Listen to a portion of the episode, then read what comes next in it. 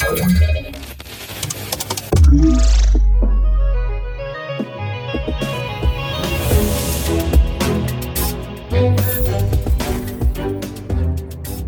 Dzień dobry, witamy wszystkich serdecznie. Tutaj Fundacja Bezpieczna Cyber Przestrzeń, podcast Cyber Cyber. Dzisiaj w postaci rozmowy, rozmowy eksperckiej. E, przy mikrofonie Kamil Gapiński. E, po mojej stronie tutaj również, e, jeżeli chodzi o Fundację, Maciek Pyznar. Cześć Maćku.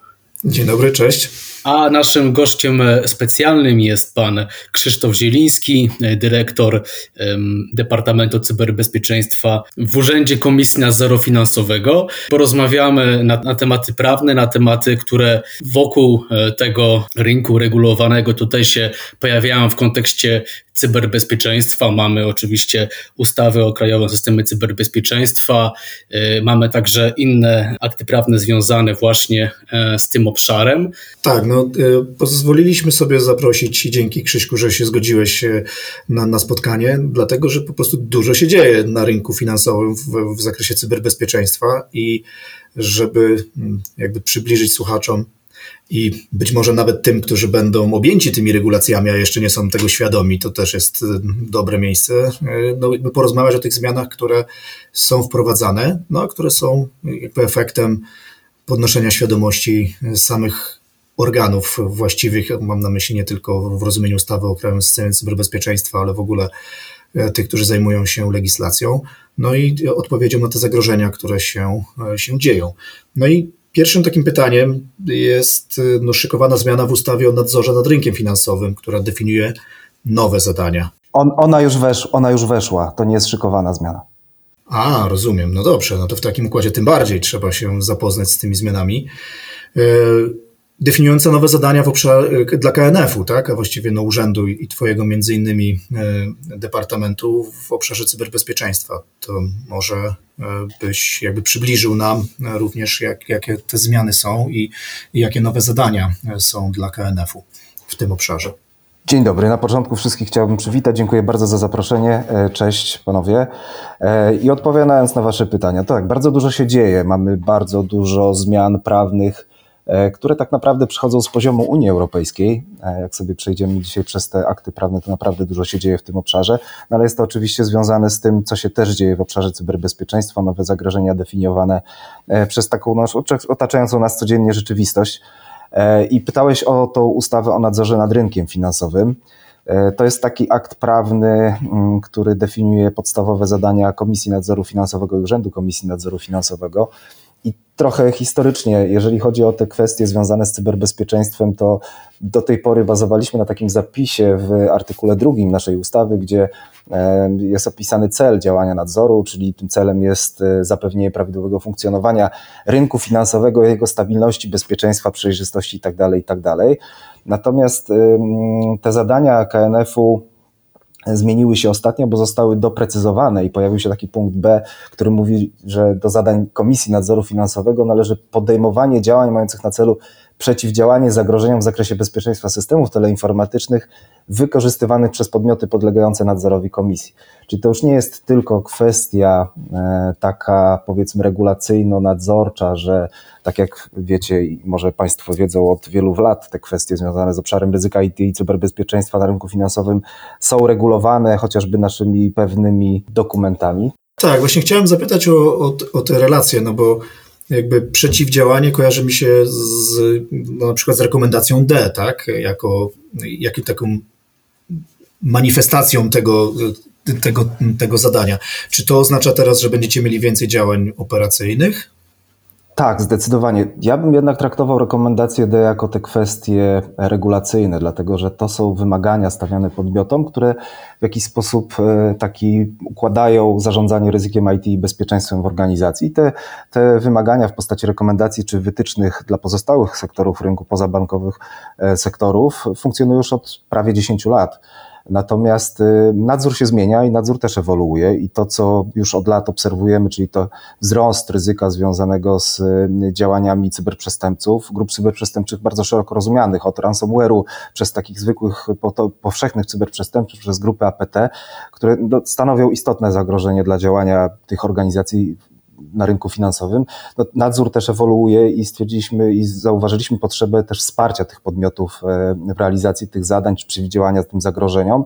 Stąd też powstanie CESIRT-u E, w KNF-ie. On oczywiście powstał na bazie ustawy o Krajowym Systemie Cyberbezpieczeństwa. Natomiast ja już o tym wielokrotnie mówiłem, to był taki pierwszy etap tego działania e, proaktywnego, bo mieliśmy podstawę prawną do tego, żeby z nazwy, on się nazywa sektorowym zespołem cyberbezpieczeństwa, nazwa własna CSIR KNF, powołać taki zespół i on zaczął funkcjonować w ramach mm, ustawy o Krajowym Systemie Cyberbezpieczeństwa. Natomiast celem i założeniem było objęcie tym wsparciem całego rynku finansowego, który nie jest objęty ustawą KSC, czyli z tych podmiotów, pierwsze takie podstawowe konstytuencji to były podmioty, które są operatorami usług kluczowych y, z naszego sektora w rozumieniu KSC. Następnie po tym pierwszym etapie rozszerzenie tych działań, czy rozszerzanie tych działań na pozostałe sektory rynku, tak żeby to wsparcie było realizowane wobec wszystkich podmiotów, które są nadzorowane przez KNF. To jak teraz rozumieć właśnie te, te, te zmiany, w sensie w praktyce? Tak, to w praktyce jakie to są podmioty, jakiego typu, tak? Tutaj wchodzą jakby w ten no, nowe constituency. To prawdopodobnie wszystkie, które są regulowane. Dokładnie tak jest, dokładnie tak jest. Oczywiście zaplanowaliśmy te działania na lata, natomiast no, rzeczywistość zweryfikowała nasze plany i w momencie, kiedy pojawiło się to zagrożenie, e, czyli wojna w Ukrainie i atak Rosji na Ukrainę, to konstytuencji praktycznie z dnia na dzień nam się rozbudowało do praktycznie całego rynku finansowego, dlatego że jeszcze chwilę przed wybuchem wojny zorganizowaliśmy taki war room dla całego rynku finansowego, w którym codziennie na godzinę czy dwie godziny spotykaliśmy się z przedstawicielami praktycznie wszystkich sektorów omawialiśmy sytuację na wschodzie, omawialiśmy bieżące zagrożenia. To był taki czas niepewności, nie wiadomo było jak ta sytuacja w Ukrainie, czy jak ten atak się rozwinie. Mówimy tutaj o tym obszarze oczywiście cyberowym. Te ransomware, które się tam pojawiły, czy te wipery, które się pojawiały na początku wojny, to była duża niewiadoma, stąd też ta wymiana informacji, taka integracja praktycznie wszystkich podmiotów e, ze wszystkich sektorów, które nadzoruje KNF, naturalny sposób rozszerzyło to konstytuencji na całość e, całego rynku finansowego.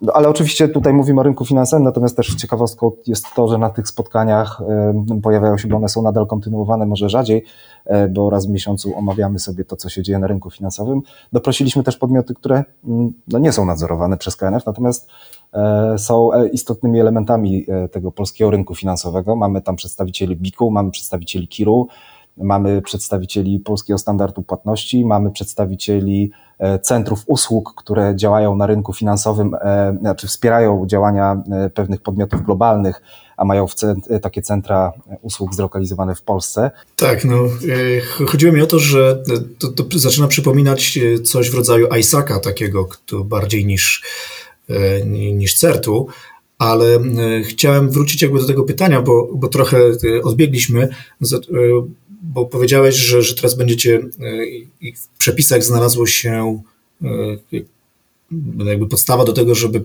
zająć się przeciwdziałaniem I, i, chciałem zapytać i wrócić do tego pytania, e, co to oznacza w, jakby w praktyce to, to przeciwdziałanie, czy to nie wiem, CESIR KNF będzie po prostu świadczył usługi monitorowania i, i reagowania, czy, czy jak?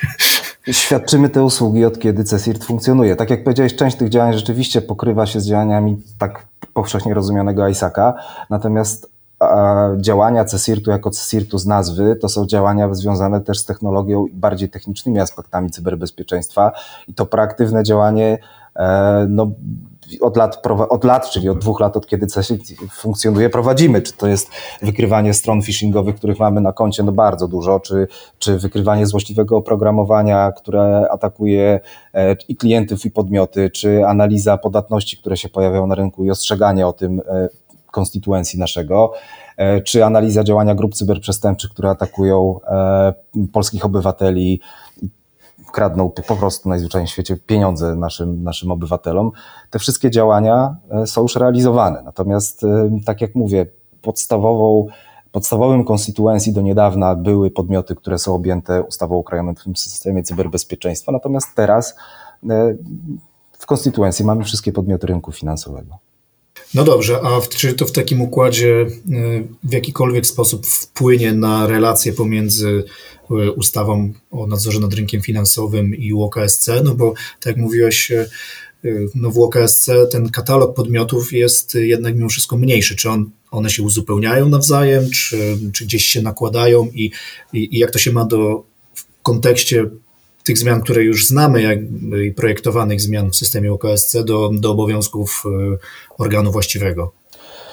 Mm, te zadania, które realizuje CESIR, czyli te zadania proaktywne, czyli wspierające działania podmiotów rynku finansowego, to są działania dualne, tak? Czyli z jednej strony realizujemy wobec operatorów usług kluczowych te zadania, które są określone w ustawie KSC, natomiast poza te zadania e, w UKSC jak gdyby wykraczamy również dla tych, wiem, że to może być i niezrozumiałe i skomplikowane, dlatego że no, takie są niuanse tych e, naszych regulacji prawnych, czyli działamy jednocześnie jako sektorowy zespół cyberbezpieczeństwa z, w rozumieniu ustawy KSC, jak i e, CESIR KNF, który e, funkcjonuje w ramach e, Urzędu Komisji Nadzoru Finansowego. I czasami ten sam podmiot dostaje od nas wsparcie w ramach UKSC, a czasami poza UKSC, no bo UKSC definiuje jakiś katalog E, tych zadań, które taki CESIRT sektorowy, nazwijmy to już z nowej ustawy, CESIRT sektorowy powinien świadczyć, natomiast no, tych zadań i tych działań realizujemy dużo więcej.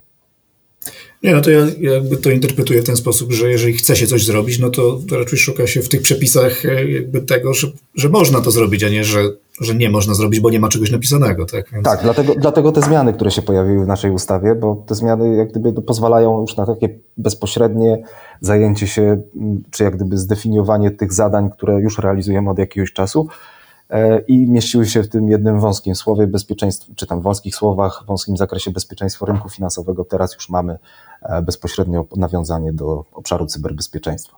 Nawiążę jeszcze do tych informacji, które zgodnie z nowymi przepisami e, możemy przekazywać do innych podmiotów. One nie dotyczą tylko bezpieczeństwa podmiotów, ale też zapis w przepisach jest taki pozwalający nam przekazywać te informacje E, jeżeli e, te działania, e, jeżeli te informacje pozwolą na przeciwdziałanie zagrożeniom w zakresie bezpieczeństwa systemów informatycznych lub wymaga tego ochrona interesów klientów danego podmiotu.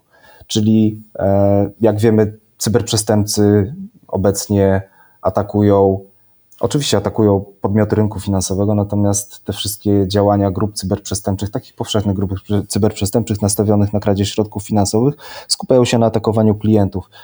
I, i, I te zapisy pozwalają nam przekazywać pewne mm, informacje, które w podmiocie, y, informacje z podmiotu A do podmiotu B, które pozwolą ochronić klientów podmiotu B. Okej, okay, to wygląda na to, że, że właściwie jesteście wyposażeni lepiej niż inne zespoły. Y, mam na myśli CSIRT poziomu nawet krajowego, tak, jeśli chodzi o, o żądanie jakichś informacji i czy na przykład przekazywanie tych informacji dalej no, nawet w, w, sytuacji, w której nie ma e, jakby incydentu poważnego i, i jakby nie, nie, prowadzi się tego incydentu jego obsługi, to, to, to w sumie e, no, wygląda, że można by było e, jakby wykorzystać te, te zapisy albo te przepisy w, w przepisach ustawy o, o Krajowym Systemie Cyberbezpieczeństwa. Nie, nie wiem, czy, czy zgłaszaliście te, te propozycje. E, myślę, że nowa wersja ustawy KSC jest na takim etapie legislacyjnym, że ciężko byłoby tam wprowadzać teraz zmiany. Może przy kolejnej edycji pochylimy się wspólnie z e, KPRM-em nad tym, żeby pewne rzeczy i zakresy działań CSIRT-ów poziomu krajowego doprecyzować chociażby na bazie naszych, naszych obecnych przepisów. No dobrze, skoro już wywołaliśmy trochę ustawę o Krajowym Systemie Cyberbezpieczeństwa, to nas jakby nieuchronnie prowadzi do e, do regulacji zwanej NISem 2, tak? No, bo jakkolwiek by na to nie patrzeć, to, to pewnie te zmiany będą musiały uwzględniać tę regulację.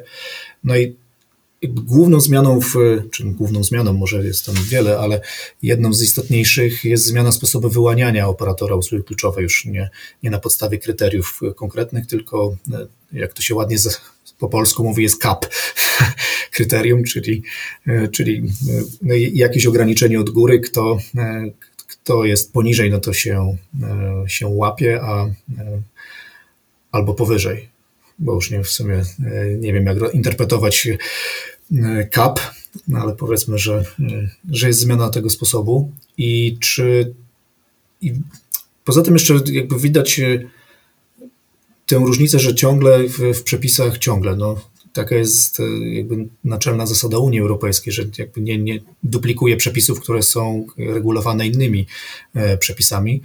że w NIS-ie 2 i pewnie też w UKSC jakby brat tych podmiotów, o których Ty wspomniałeś, czyli te, które są regulowane przez Was i które dzięki zmianie w ustawie o nadzorze nad rynkiem finansowym możecie jakby realizować. I jak to wpływa i czy w ogóle ten NIS 2 jakoś wpływa na, na Was w rozumieniu na Urząd Komisji Nadzoru Finansowego, no i realizowane zadania w kontekście cyberbezpieczeństwa. To może ja tylko tutaj dodam, że cały czas mówimy jeszcze o projekcie, mimo że ten projekt został przedstawiony jakiś czas temu, no to e, mówimy tutaj jakby o pewnych intencjach, tak, dopiero e, komisji. Tak, to, to, odpowiadając na Twoje Maćku pytanie, yy, dzięki za doprecyzowanie Kamil, jeżeli chodzi o zakres działania, zdecydowanie zwiększy nam się katalog operatorów usług kluczowych, dlatego że ta reguła capsize, jak mówisz, czy powyżej, czy poniżej, poniżej uciekną, znaczy nie załapią się w, do dyrektywy ci, którzy mają, są poniżej tego progu, a ci, którzy są powyżej się załapią. No ale w tej chwili mamy zdefiniowane kryteria WKSC, które mówią, że to są zazwyczaj największe podmioty rynku finansowego. W momencie wejścia w życie NIS 2 pod jak gdyby parasol wpadną też podmioty mniejsze, ale działające na rynku finansowym, chociażby banki spółdzielcze. Tak? Tam ta zasada definiuje bodajże powyżej 30 pracowników danej instytucji, więc jeżeli podmiot jest w katalogu określonym czy w załączniku 1 czy 2 i spełnia tą E, to kryterium ilości pracowników czy, czy skali jak gdyby organizacji, to automatycznie staje się, zostaje objęty wymogami dyrektywy. No i ten katalog nam się znacząco powiększy, dlatego że e, w tej chwili tych operatorów usług kluczowych jest X, nie będę mówił ilu, natomiast będzie ich dużo, dużo, dużo więcej, bo wszystkie banki spółdzielcze i pozostałe banki komercyjne również, również do, tej, e, do tego katalogu będą zaliczane. No dobrze, no, y, projekt dyrektywy mówi o instytucjach kredytowych i mm, jakby infrastrukturze rynków finansowych, tak? Czyli ja rozumiem, że wy y, pod y, no jakby w tej kategorii bankowość i instytucje kredytowe rozumiecie jakby no zasadniczo chyba celem banku jest udzielanie kredytów i, no i pobieranie, że tak powiem, naszych tych, więc rozumiem, że, że, że, że to kryterium jakby bierzecie pod uwagę, no jakby definiując banki jako operatorów usług kluczowych. Też. Natomiast są tam też podmioty e, z sektora kapitałowego, nie wchodząc w szczegóły. Tutaj akurat niewiele się zmieni w stosunku do tego obszaru, jeżeli nawet NIS 2 zostanie w takiej formie, w jakiej jest. Natomiast zdecydowanie katalog operatorów usług kluczowych sektora bankowego nam się powiększy. No ale to, to nie jest jedyne wyzwanie dla mm, tego całego rynku finansowego, to może nie jest to dyrektywa bezpośrednio związana z, z mm, cyberbezpieczeństwem, natomiast myślę, że też Cię zainteresuje i pewnie śledzisz rozwój dyrektywy CER, która za chwileczkę e, też przez Unię będzie w jakiś sposób prowadzona, czyli dotycząca ochrony infrastruktury krytycznej, czyli tego, czym się kiedyś zajmowałeś. E, dyrektywa CER mocno się zazębia z NIS-em dwójką i tak naprawdę wszystkie podmioty, które E, znajdą się w NISie dwójce, przynajmniej takie są na chwilę obecną założenia, staną się też operatorami usług e, infrastruktury krytycznej, czyli do tej pory ten rynek finansowy, czy podmioty rynku finansowego nie e, łapały się w ramy krajowe, ramy związane z infrastrukturą krytyczną po wejściu dyrektywy CER, jak najbardziej się załapią. Tak, to taka gorzka satysfakcja, że tak powiem. Bo... Że po latach, tak. Tak, że, że po latach to i tak wracamy do tego, że to należy zintegrować, bo na dobrą sprawę to jest e, no, jakby jedno i to samo. E, ale e, poza tą regulacją, o której Ty wspominasz, zarówno przepisy, które się pojawiają w dyrektywie NIS, jak i te zmiany w ustawie o nadzorze nad rynkiem finansowym, no jakby dryfujemy w stronę jednego takiego ciekawego aktu prawnego, tak się kiwa głową właśnie, bo się domyśla o, o co chcę zapytać, który nazywa się DORA, tak? Niektórzy twierdzą, że to nawet game changer jest w tym, tym jakby pakiecie, dlatego że to jest rozporządzenie i ono będzie musiało być bezpośrednio stosowane. Czy jakby mógłbyś chociaż trochę tutaj powiedzieć y, o tym rozporządzeniu i, i z czym to się będzie jadło, tak kolokwialnie powiem? Mm. Tak, DORE bardzo intensywnie pracuje, prowadzimy pracę nad tym rozporządzeniem we współpracy oczywiście z, e, z Ministerstwem Finansów. Natomiast czy ona będzie wielkim game changerem w Polsce, nie byłbym tego taki, źle słowo. Czy ona byłaby wielkim game changerem, czy ona będzie wielkim game changerem w Polsce, Nie sądzę, dlatego że od wielu lat te podmioty, które, które zostaną objętą, objęte DORą, są w pewien sposób przygotowane do jej wejścia poprzez nasze właśnie rekomendacje czy wytyczne, czyli wymogi, które stawiamy tym podmiotom. Rozporządzenie DORA w bardzo dużym zakresie pokrywa się z naszymi rekomendacjami wytycznymi, które zostały wydane dla rynku. Mówiłem o tym na początku już prawie 10 lat temu, więc podmioty oczywiście będą musiały dostosować się do tych wymogów, które się w DORze pojawiają, natomiast, natomiast to nie będzie tak, że zaczynają od zera. To nie będzie tak, że stają nagle przed faktem, że muszą zacząć przygotowywać się do wdrożenia pewnych wymogów, czy przygotowania się do spełnienia tych wymogów od e, początku do końca. Tak? To są oczywiście zmiany, które na pewno w organizacjach będą musiały nastąpić, bo obszar, e, zakres DORY na pewno jest szerszy i bardziej precyzyjny niż pewne zapisy naszych rekomendacji i wytycznych. Natomiast, tak jak powiedziałem, myślę, że w 80% te zakresy się pokrywają. Czy to znaczy, że mm, rekomendacja D zniknie? Bo bo jeśli myślimy o, o pokrywaniu się, a to mamy rozporządzenie, które należy stosować bezpośrednio, a rekomendacje jednak mimo wszystko, no, jakkolwiek miały swoją moc, to, to, ciągle y, w nazwie mają rekomendacje. Tak, rekomendacje, natomiast one są mocno umocowane w przepisach polskiego prawa, bo te rekomendacje, które wydajemy dla banków, są dla banków obligatoryjne. Czy one znikną? Y, nie chciałbym teraz o tym y, decydować, natomiast pewne działania w, w, stosunku do tych rekomendacji wytycznych na pewno będziemy mieli, e, będziemy musieli podjąć, czyli tak jak powiedziałem, jeżeli one pokrywają się z dorą w 80%, to nadal pozostaje te 20%, których, e, których w dorze nie ma i może po prostu e, podejmiemy decyzję o tym, żeby te 20 czy ile tam procent będzie E, brakujących zapisów z DORY pozostawić w tych rekomendacjach, natomiast tak jak powiedziałeś, tak jak wszyscy wiemy, rozporządzenie stosuje się bezpośrednio, jeżeli ono jest bardziej szczegółowe, rzeczywiście DORA jest bardziej szczegółowa, no to utrzymywanie dwóch aktów prawnych e, jest po prostu niedopuszczalne, tak? Jeszcze dotyczących tego samego zakresu. To też dotyczy oczywiście NISA dwójki, bo, e, bo mamy też zapisy w NISie obecnym, ale też w NISie dwójce, że jeżeli pojawia się sektorowy akt prawny, który w pewien bardziej szczegółowy sposób reguluje pewne zakresy działania dyrektywy NIS czy NIS 2, to zapisów w, tych, w tym obszarze zapisów NIS-u czy NIS-a dwójki się nie stosuje, więc na pewno DORA w pewien sposób pozmienia też podejście krajowe do tego rynku finansowego w kontekście ustawy o Krajowym Systemie Cyberbezpieczeństwa. Myślę, że za wcześnie jest teraz mówić w jakim zakresie, jak to będzie poukładane, dlatego że to wszystko nam dynamicznie ewoluuje, natomiast na pewno będziemy e, musieli siąść do stołu i porozmawiać, jak poukładać DORę z NIS-em i jeszcze z CERem, o którym wspominałem przed chwilą. Ja, ja, się za to zorientowałem, przepraszam y, Krzysztof, że my tak mówimy kolokwialnie DORA, tak? a, a tak naprawdę nie powiedzieliśmy czym to jest. Y, chodziło mi o to, że, że to w ogóle mówimy o, o projekcie rozporządzenia w sprawie operacyjnej odporności cyfrowej sektora finansowego i skrótem jakby od anglojęzycznych y, od anglojęzycznej nazwy jest po prostu DORA, tak? Co z punktu biznesowego to znaczy dla, dla tych podmiotów, które będą objęte właściwie tym?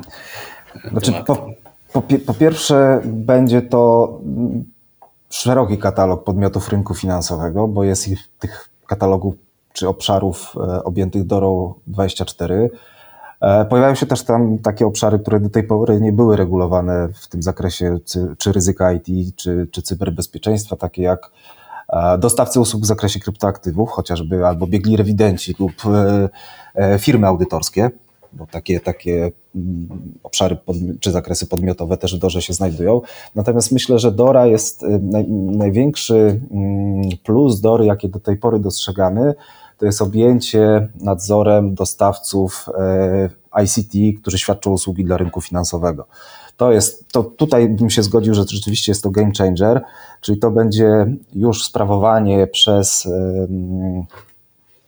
ciało nadzorcze, nie mówię o naszym lokalnym ciele nadzorczym, dlatego że to będzie nadzorowane z poziomu, z poziomu Unii Europejskiej, będzie to nadzór nad największymi dostawcami e, usług ICT dla podmiotów rynku finansowego w całej Unii Europejskiej. I tutaj możemy się domyślać, o kogo chodzi. Chodzi na przykład o dostawców e, usług chmurowych, tak, którzy świadczą te usługi na całym tak, czyli to jest to, co e, rozporządzenie nazywa kluczowy zewnętrzny dostawca usługi ICT, tak? Tak jest, tak jest. E, No tutaj czytamy, że zgodnie z projektem jakby Europejskie Urzędy Nadzoru mają określić i wyznaczyć jakby tych zewnętrznych dostawców ITT i mają mieć nad nimi nadzór. Czy, czy wy również uczestniczycie jakby w tych rozmowach w rozumieniu, na czym miałby polegać ten nadzór, czy, czy czego można by było wymagać od takiego dostawcy, co jak wiemy nie jest łatwe, biorąc pod uwagę o kim myślimy, tak, żeby, żeby cokolwiek na nim wymóc.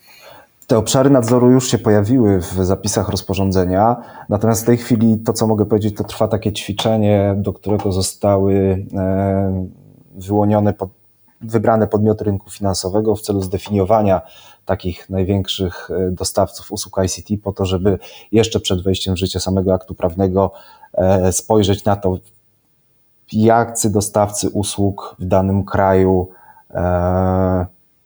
e, mogą być w przyszłości uznani za kluczowych. Także nie jest to jeszcze takie podejście kompleksowe, że wszystkie podmioty definiują i my jako organ nadzoru definiujemy tych kluczowych dostawców usług, natomiast w tej chwili z podmiotami nadzorowanymi przez KNF wykonujemy takie ćwiczenia.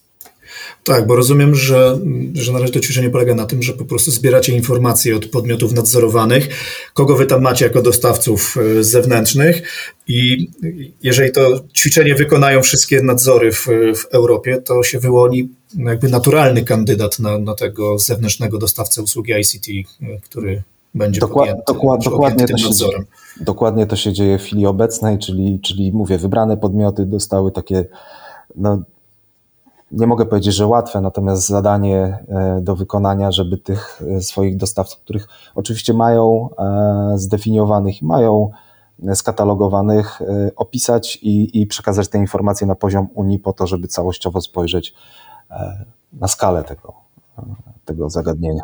To ja chciałbym w takim układzie zapytać, może jakie są perspektywy czasowe wejścia w życie tego rozporządzenia, bo, bo być może to, to jest istotniejsze w kontekście również tych, tych szczegółów, e, o których byśmy chcieli porozmawiać, jeśli chodzi o Dorze, to, no to jakbyś, jeżeli oczywiście wiesz, Krzysztof, e, jakie są te ramy. Ramy czasowe, tak zwane vacatio legis to jest dwa lata od przyjęcia projektu jako finalnej wersji, natomiast każda kolejna prezydencja mocno kładzie nacisk, żeby, żeby sama finalna wersja Dory została domknięta jak najszybciej, więc liczymy, że będzie to początek 2023 e, roku plus dwa lata na e, to vacatio legis. Natomiast e, słuchajcie, sama Dora jest tak obszernym i ciekawym aktem prawnym, że wydaje mi się, że warto by było o niej porozmawiać bardziej szczegółowo. I tutaj, jeżeli bylibyście zainteresowani przedstawieniem zakresu Dory szerszemu gronu, gronu słuchaczy, to jesteśmy w stanie może przygotować wspólnie jakiś kolejny podcast już bezpośrednio skupiający się na poszczególnych zapisach Dory, bo naprawdę e, są one bardzo, bardzo ciekawe i bardzo, e, powiedziałbym, nowatorskie w niektórych obszarach. I pamiętajcie też, że bardzo często jest tak, że pewne regulacje, które pojawiają się na rynku finansowym, są później multiplikowane na pozostałe rynki czy na pozostałe obszary gospodarki, więc jest szansa na to, że Dora będzie takim wyznacznikiem tego, w jaki sposób i w którą stronę popłyną regulacje Unii Europejskiej w obszarze cyberbezpieczeństwa dla pozostałych sektorów gospodarki, oczywiście, jeżeli się pojawią. No to z naszej strony, jak to mówią ładnie po polsku, more than welcome. Jeżeli jesteście gotowi i, i, moglibyśmy o tym porozmawiać, bo tak jak mówisz, my też jakby widzimy, dlatego jakby duża część tego podcastu nawet jest, jest o tej dorze, bo szczegółowe rozwiązania, które są tam, no rzeczywiście mogłyby pomóc E, nam zrozumieć, to raz, a dwa, e, że, że prawdopodobnie rzeczywiście się przeniosą i mogą być wykorzystane w innych regulacjach, również w Polsce. Tak, zmieniając e, lekko temat, tutaj wcześniej poza anteną rozmawialiśmy o naszych tutaj tematach na dzisiaj i ja się cały czas zastanawiam nad jakby nad połączeniem tego, E, o czym stanowi projekt ustawy o ochronie wolności słowa w internetowych serwisach społecznościowych, a właśnie e, z rolą urzędu. E, zależności nie widzę żadnych oprócz takiej, takiego działania urzędu, które w pewien sposób reguluje czy planuje wskazać podmiotom rynku finansowego zasady korzystania z mediów społecznościowych. Jesteśmy teraz na etapie współpracy, czy jak gdyby konsultacji z rynkiem pewnych zapisów dotyczących tego, w jaki sposób e, ten rynek finansowy powinien się kontaktować z klientem z wykorzystaniem właśnie mediów społecznościowych, Facebooka czy, czy innych. No fajnie nam się ten podcast, e, widzę, e, przerodził, przerodził w, w, taki przegląd przepisów trochę, ale rzeczywiście, tak jak wspomnieliśmy na początku, dużo się dzieje. To jest jeszcze, to, chciałbym zadać pytanie odnośnie dwóch prze, takich ustaw albo mm, przepisów, które mają związek z działalnością rynku finansowego. Pierwszy to jest projekt ustawy o zmianie ustaw rozwoju administracji. Tam się pojawia ciekawy wątek odnośnie możliwości banków do weryfikacji wizerunku i czy ty mógłbyś coś więcej na ten temat powiedzieć, Krzysztof? Albo przynajmniej przybliżyć do, do, do czego to nas prowadzi. Słuchajcie, zapisy tego projektu e, pozwalają mm, instytucjom finansowym, ale też, co ciekawe, operatorom telekomunikacyjnym na weryfikację, zdalne, zdalną weryfikację wizerunku osoby z wizerunkiem e, w rejestrze dowodów osobistych, czyli taki dostęp do fotografii biometrycznej. E, I to myślę w znaczącym stopniu ograniczy e, przestępstwa mm, związane z rynkiem finansowym, ale też telekomunikacyjnym, chociażby SIM-swapy.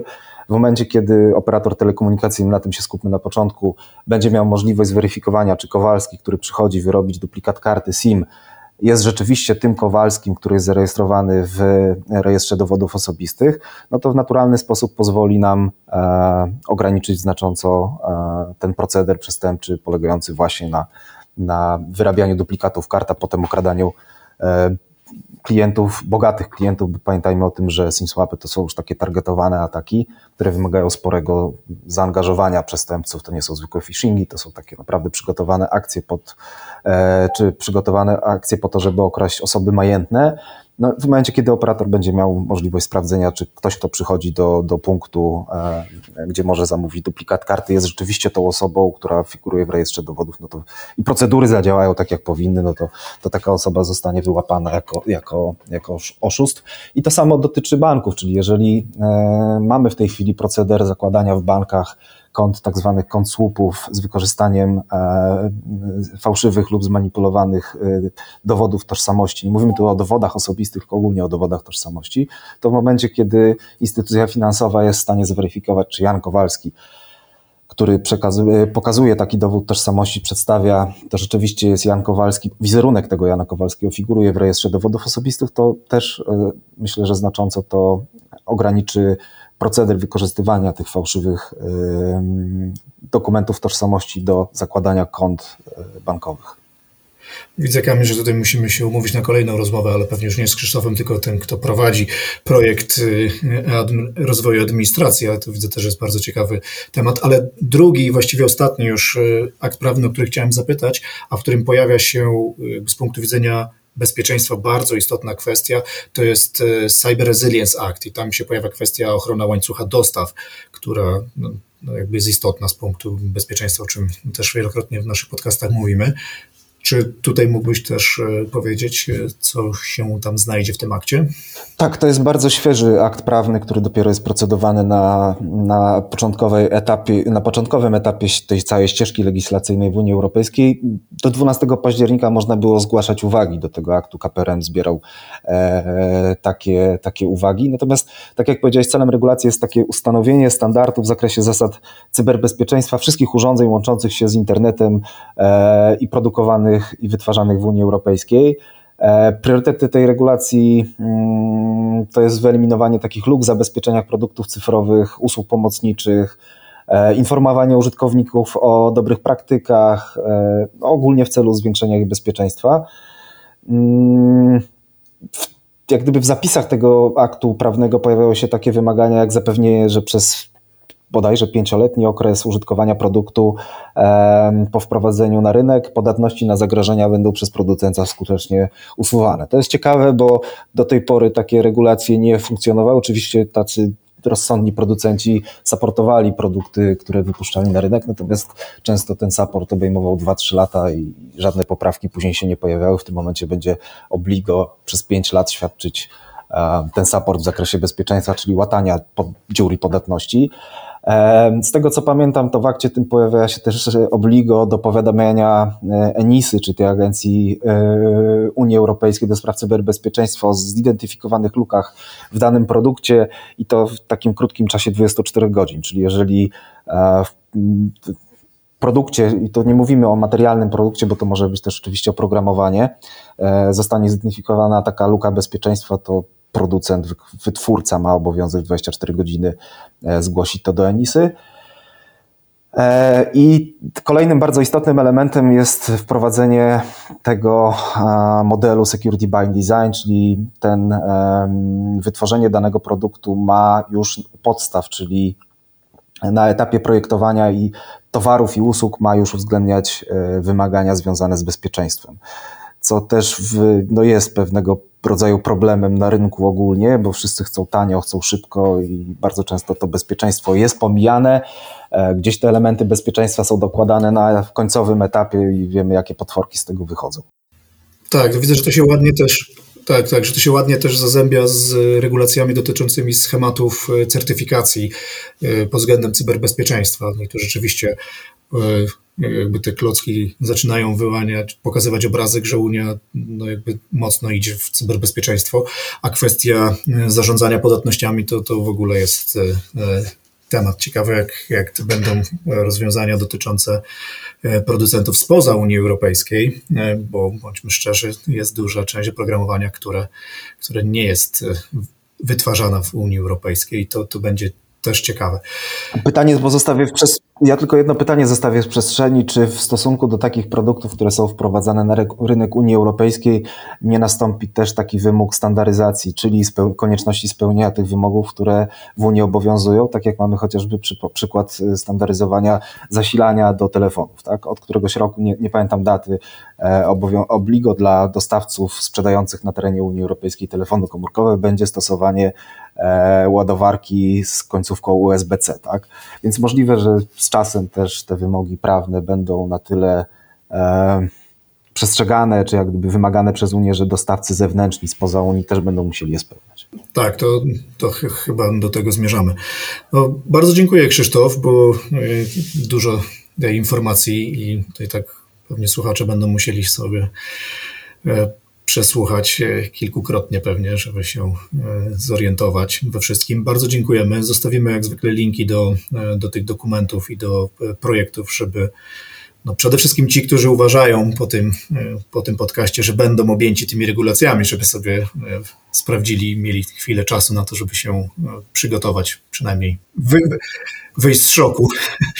Tak, myślę, że musimy dobrze rozpromować ten podcast wśród właśnie um, rynku e, finansowego, e, no bo dużo tutaj wyzwań różnych e, czeka. Na pewno się jeszcze spotkamy w, w, tym lub podobnym gronie. Tutaj mówiliśmy o tym, że chcemy doprecyzować temat Dory. Do usłyszenia. Naszym gościem był Krzysztof Zieliński, dyrektor Departamentu Cyberbezpieczeństwa w Urzędzie Komisji Nadzoru Finansowego. E, Maciek Pyznar, Kamil Gapiński. Do usłyszenia. Pozdrawiamy, bądźcie cyberbezpieczni. Cześć. Dziękuję. Do widzenia. Dziękujemy bardzo. Do zobaczenia. Cześć.